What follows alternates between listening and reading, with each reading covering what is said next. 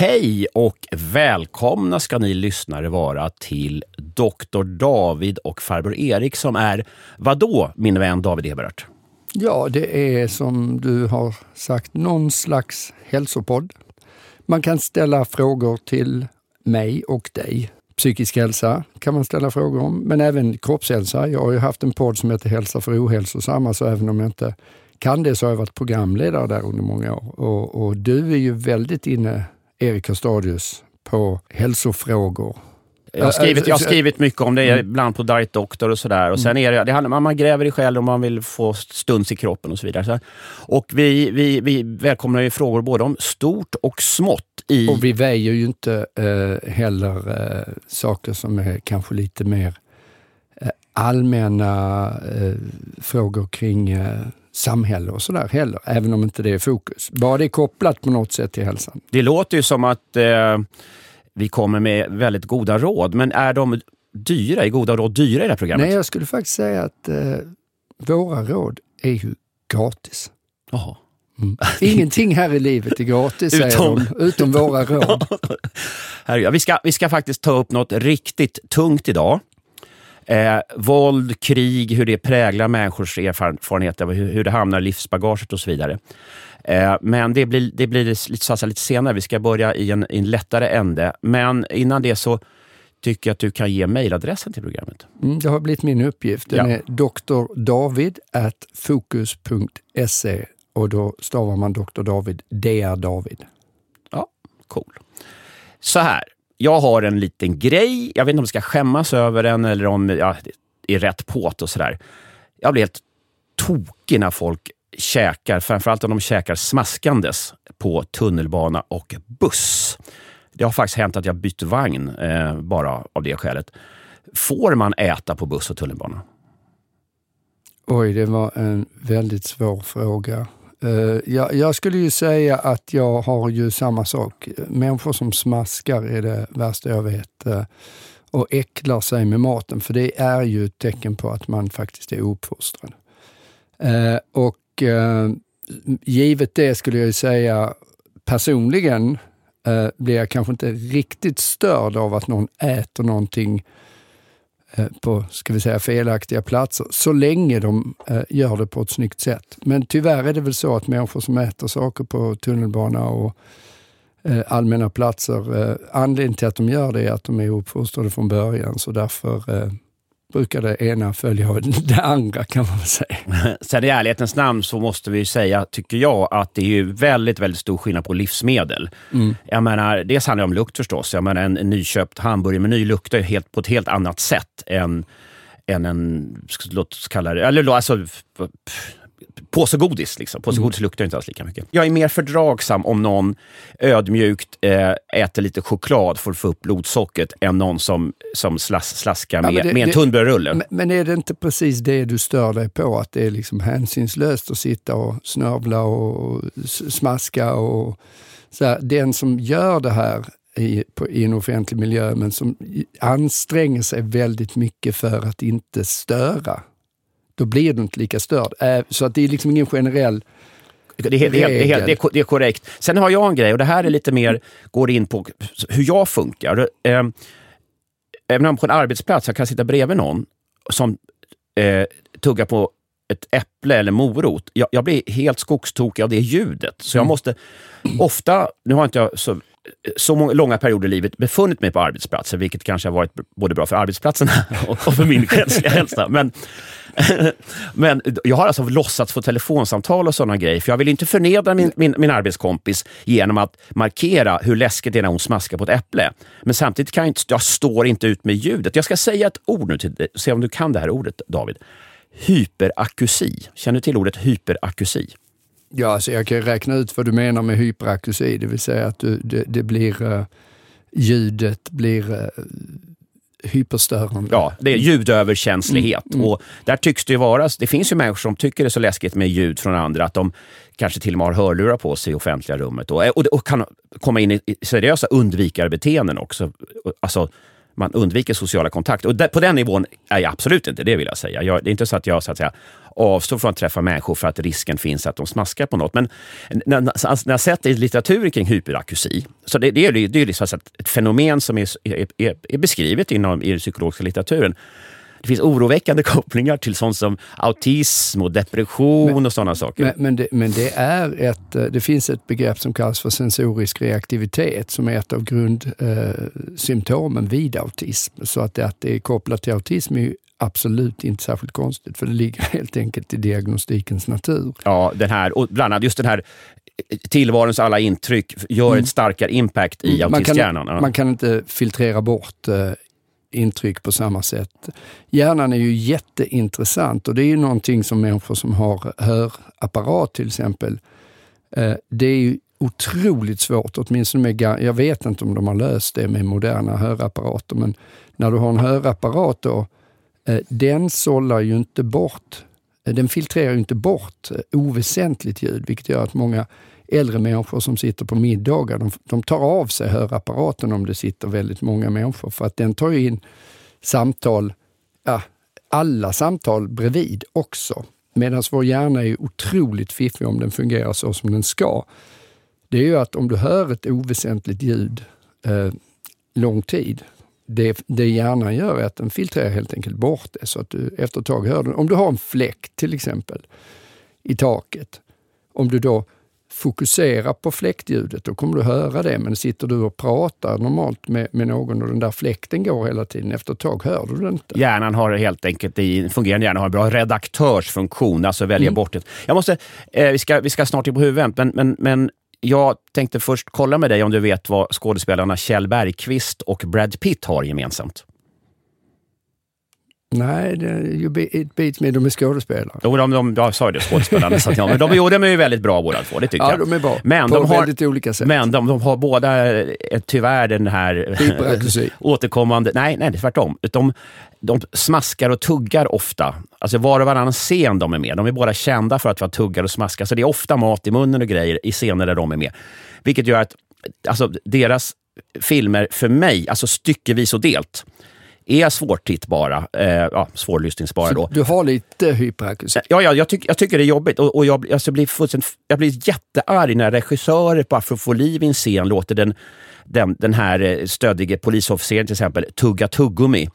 Eh, och det är inte en styggelse med tuggande och smaskande på på film. Alltså det, det sänker på riktigt min, min liksom så här totalupplevelse. Och, så att vi får väl, jag menar, vi får väl gräva vidare här, men, men vi kan väl, ska, ska vi säga att jag har en liten, en, liten pusselbit, så att säga, autism troligen, ska, eller? Ja, men det har vi alla. Alla de här eh, psykiatriska eh, syndrom av olika slag och neuropsykiatriska syndrom, de bygger ju på att man har ett visst antal symptom.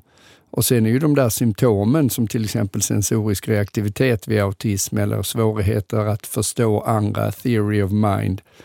Eh, de symptomen är ju normalfördelade i befolkningen. Eller hur? Ja. Enligt en normalfördelningskurva och vi alla har ju mer eller mindre svårt att sätta oss in i hur andra människor ja, ja, alltså fungerar, inte, eller ja. sensorisk reaktivitet. Ja, precis. Det är, det är många, det är många så att säga, symptom som man ska checka in för att hamna i en klinisk diagnos, autism Exakt. och så vidare. Men, men vi säger så här, ett råd till alla filmregissörer out there. Inte, Inget lös, smaskande. Lö, precis, lös, lös liksom inte det här behovet av, av någon slags action i scenen, att folk ska äta och smaska och tugga. Däremot har jag inget problem med en restaurangscen filmad lite på håll och sådär. Jag, jag, kan se människor äta. Men... Bara, bara du inte hör dem äta. Ja, typ. ja men eh, det blir nog... Eh... Jag, jag, måste innan, ja, ja, ja, ja, ja. till, jag, jag, kan säga att jag hade ju, eh, jag ska försöka hålla det här så allmänt som möjligt så ingen känner sig utpekad, men jag hade en kollega en gång i tiden som satt, och det är det värsta av allt. Alltså smaskande är illa, men den här kollegan, vi nämner inte kön eller så, njutningssmaskade. Oh, kan du försöka härma här? Oj, oj, oj.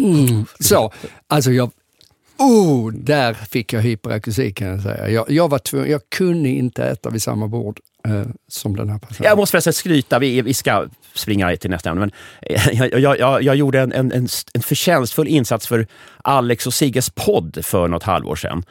För de, de har en sån här sponsrade eh, buds, reklambudskap i podden. Ja, det är en väldigt bra podd för övrigt tycker jag.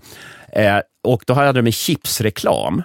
Och i den här chipsreklamen, alltså de, de, de pratar om chips och då, då äter Alex chips i den här, så att säga, det här reklamsegmentet. Eh, och då smsade jag honom och bad dem snälla, snälla, snälla, när ni gör chipsreklam, ingen smask. Och nästa gång det var chipsreklam i deras förnämliga podd, så gjordes den helt utan smaskande och tuggande. Så och jag, det var jag har, din förtjänst? Ja, så jag har rensat i meddelandeskapet. Men eh, nu kan ju inte någon längre... Eh, alltså ingen ska behöva vänta på jingeln något mer.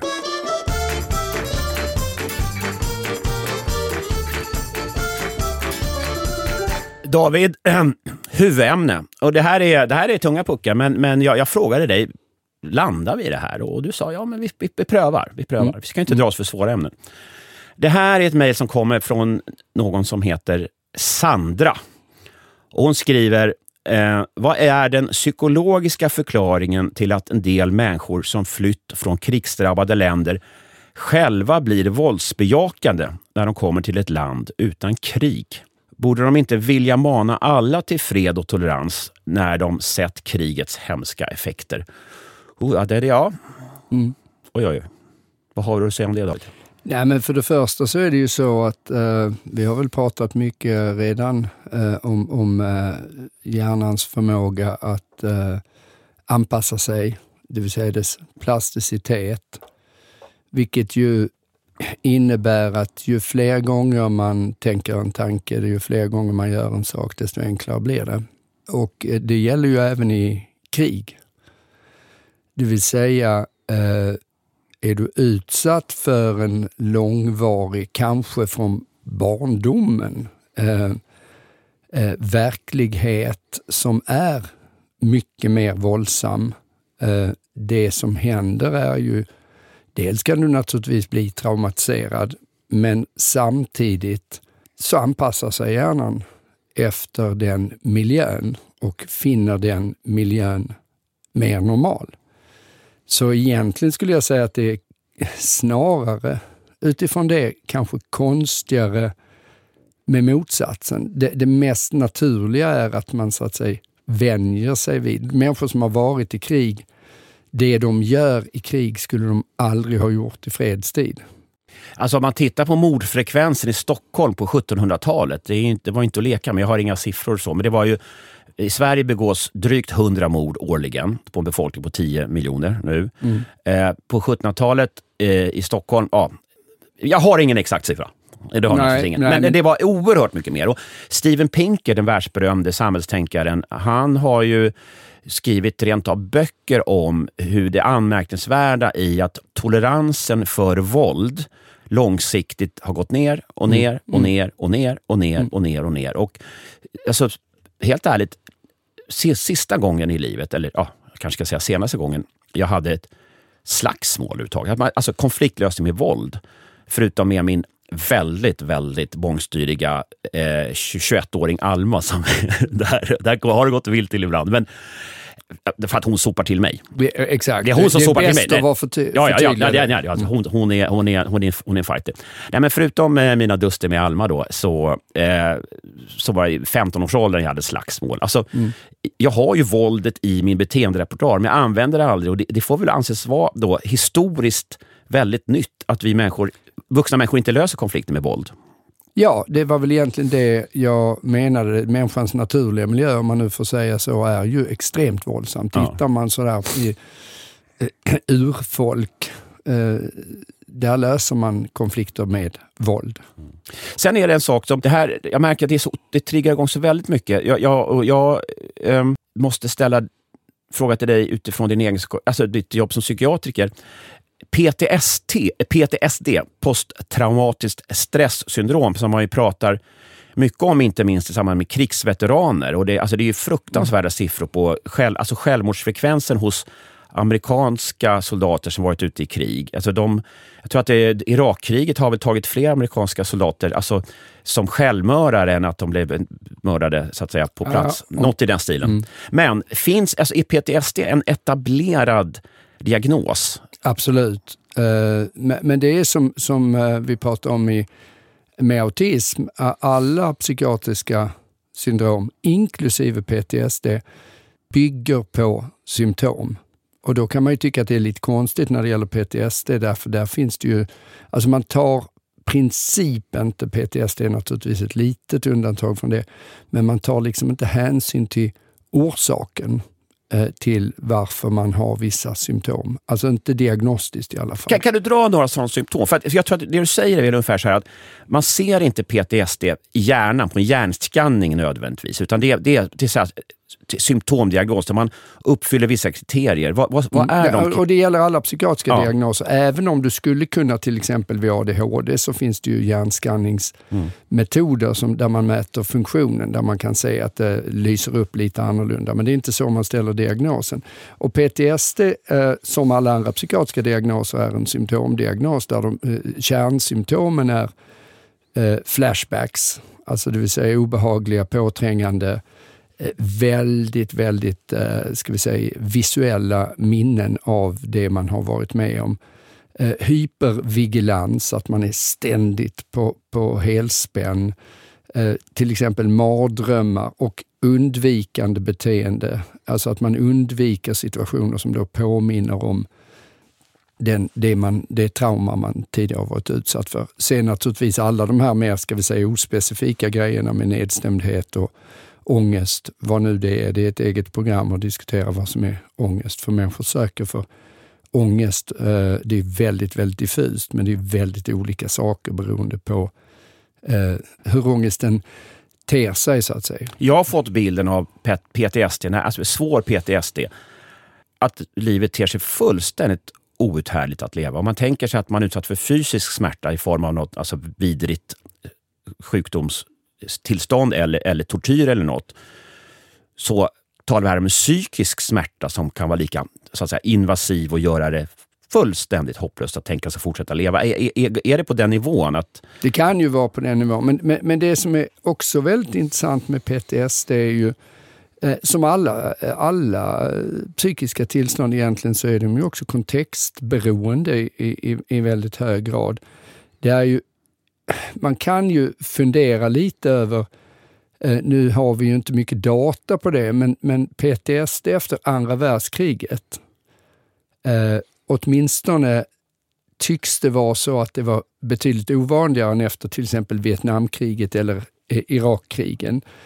Eh, och en tanke där som åtminstone är, är, är relevant, tror jag, är att när du kom som de, de allierade som kom hem efter att ha krigat i flera år och kanske hade gjort jätte, jättehemska saker eller varit utsatta för väldigt hemska saker.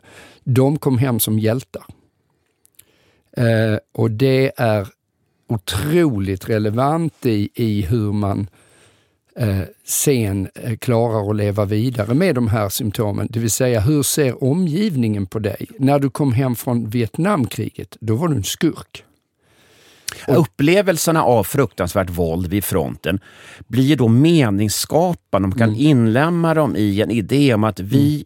de goda, drog dit och besegrade de onda. Och, ja, och vi, fick, vi fick beröm för det. Mm. Ja, men det är jätteväsentligt. Ja. Det finns ju en australiensisk psykiater som heter Derek Selove som jag eh, faktiskt eh, citerade och, och, använde mig av eh, i min första bok I trygghetsnarkomanernas land. Eh, han gjorde ju forskning på Östtimor eh, för man brukar säga att efter ett krig så är det uppemot 20-30 procent som ändå uppvisar efteråt eh, åtminstone om hela befolkningen har varit eh, inblandade, som uppvisar tecken på PTSD. Eh, och på Östtimor, när han eh, gjorde undersökningar där eh, i deras självständighetskrig från Indonesien, så hade man så låga siffror som 1 procent eh, ett år. Man hade 20-30 procent ett år, jag kommer inte ihåg vilket år det var. Ett år senare så var det ner på 1 procent. Och man kan då fundera på varför sjönk det här så otroligt mycket? Och min slutsats, om man drar det väldigt snabbt, där i, som jag skrev om det här i, Trygghetsnarkomanernas land, var att de hade inte tid att ha PTSD, för de höll på att bygga upp ett eget land. Ja, ja, ja. Och, och att jämföra med Sverige då, när jag jobbade på psykakuten, där vi hade jättemånga som eh, kom från Irak under Saddam Hussein och de hade kanske Eh, blivit fängslade och varit utsatta för otroligt hemska saker i slutet på 80-talet och sen kom de till Sverige, kanske i mitten på 90-talet. Och då brukar jag fråga, va, va, va, ja, men du, du var fängslad 88 till 91. Vad gjorde du mellan 91 och 95?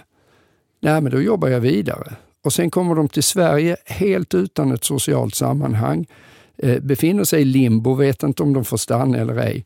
Då kommer PTSD-symptomen som de inte hade eh, efter tortyren. De hade förmodligen det, men, men de klarade livet. Därför det här tatsar väl lite den här iakttagelsen att alltså depression är väl vanligare i västvärlden, där man så att säga, har tid att sitta och vara ledsen. Medan om man en kamp för brödfödan mer eller mindre eh, varje dag, så, så ges det inte riktigt tid för det? Eller alltså, det här är bara en alltså, så att en dum idé som jag har i huvudet? Nej, men det där följer ju också av, av att alla psykiatriska symptom, syndrom är symptombaserade. Det innebär ju någonstans, om, om du går längst ut på normalfördelningskurvan, ut i svansen på normalfördelningskurvan, det vill säga jättedjupa depressiva tillstånd, jättetydlig anorexi, jättetydligt tvång, eh, vad det nu är.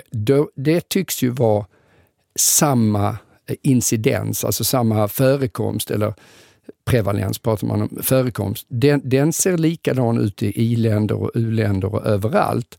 Men det som ökar i de här, ska vi säga, välfärdsstater eller eh, där man har det lite bättre, det är ju de här, ska vi säga, mer diffusa tillstånden som då där cut-off-linjen på normalfördelningskurvan har flyttats närmare normalfördelningskurvans mitt. Ja. Hänger du med? Ja, och det, så här, cut-off, det, det, det, det blir lite förenklat kan man helt enkelt säga att man eh, i ett fredligt samhälle så behövs det inte så mycket avvikelse för att säga här har du ett stort problem.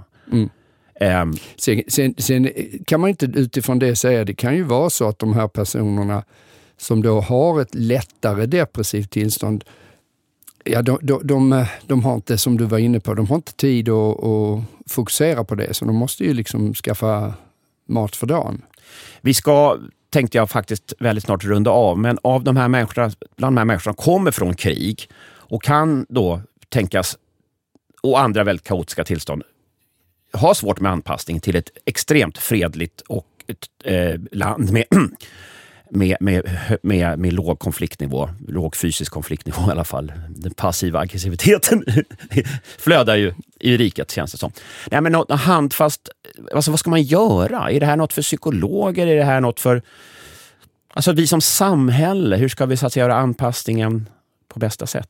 Har du de, jag kan säga, bara, Sandras avslutsfråga här i, i mejlet är, borde de inte vilja mana alla till fred och tolerans när de sett krigets hemska effekter? Alltså, finns det något som politiskt, ska man anslå budgetmedel till det och det? Eller?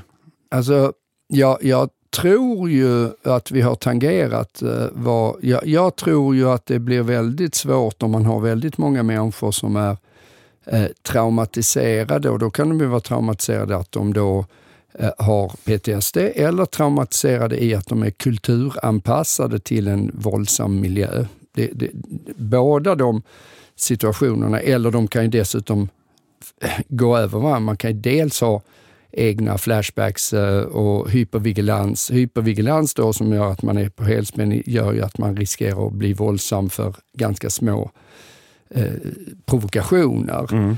Eh, men, men, problemet är, jag tror att vi har tangerat att man måste ha en kultur där dels naturligtvis det inte är acceptabelt, men, men att man hittar andra meningar med livet. Jag tycker att det vi missar i psykiatrin är stort eh, i, i takt med att man försöker göra det mer vetenskapligt. Det som ändå ingår i det mänskliga psyket är existentiella frågor. Vad är meningen med livet? Vem, vem är jag i ett samhälle?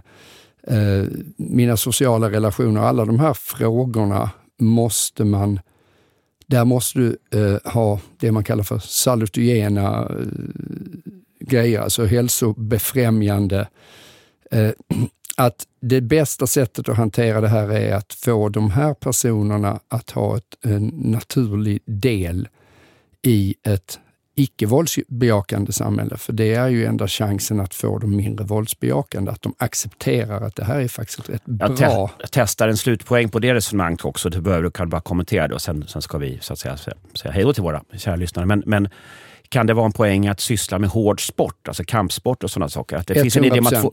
Ja. 100 procent. Jag, jag, skulle säga, hitta sociala sammanhang som är icke-destruktiva men som, där du får utlopp för det här, är, är ju en variant. Men, men överlag, den här risken med de här personerna, ju mer utanför de är, desto mer destruktivt kommer det bli. Och desto sämre, om vi tar PTSD, kommer du att må.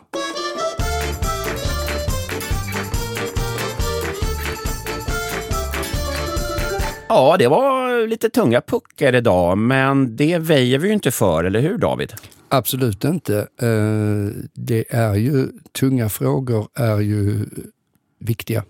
Och eh, man kan då mejla frågor om stort och smått till vårt program under vilken adress? drdavid.fokus.se det är drdavid.fokus.se. Har du någonting du vill skicka med lyssnarna innan vi säger hej då? Nej, nej, men jag vill kanske ändå med tanke på Sandras fråga att den kanske ändå landar i ett oj, eh, vad, vad, vad gör vi åt det? Och problemet är, bara för att liksom sammanfatta det här, det här är ju ett reellt problem, precis som Sandra säger, att det är väldigt vanligt att man blir våldsbejakande om man är uppvuxen eller, eller levt i en våldsbejakande miljö.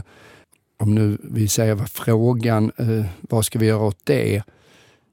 Det är inte helt enkelt att göra någonting åt eh, eftersom hjärnan har spårat på det sättet. Men, men att eh, jag, jag, får jag får nästan, jag får nästan, ja, jag får nästan liksom. upp, eh, vi, alltså, jag får nästan upp, som en slutfundering, två nästan i konflikt med varandra varandes tankar. Det ena är förståelse och empati. Den här personen har haft ett helvete och då får man på något sätt acceptera, eller man ska, måste förstå att det kan leda till destruktiva beteenden. Men samtidigt får den här empatin inte leda till att man låter personen härja fritt med sin omgivning. Så att säga, det måste finnas både reaktioner på dåligt beteende men också en förståelse om varför det dåliga beteendet så att säga ja, frodas. Mm acceptans innanför eh, extremt eh, tydliga strukturerade ramar.